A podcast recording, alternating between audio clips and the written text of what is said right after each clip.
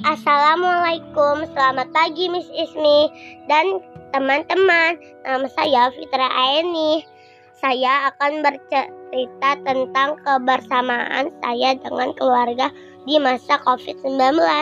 Awalnya saya tak mengerti apa itu COVID-19 karena saya disuruh mama saya untuk selalu berada di rumah saja. Harus rajin cuci tangan setelah beraktivitas. Setelah sekolah diliburkan, saya merasa senang sekali karena bisa bermain di rumah. Tapi walaupun sekolah libur, kita juga harus tetap belajar secara daring. Di rumah saya belajar dibantu, dibantu dan didampingi bersama mama saya dan adik. Sebelum adanya COVID-19 ini keluargaku sibuk sekali. Ayahku ber, berjualan di sekolah.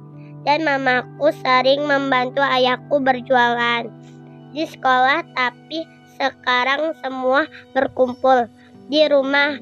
Karena COVID-19 banyak aktivitas yang saya lakukan bersama keluarga seperti main bersama, makan bersama, dan bersih-bersih rumah.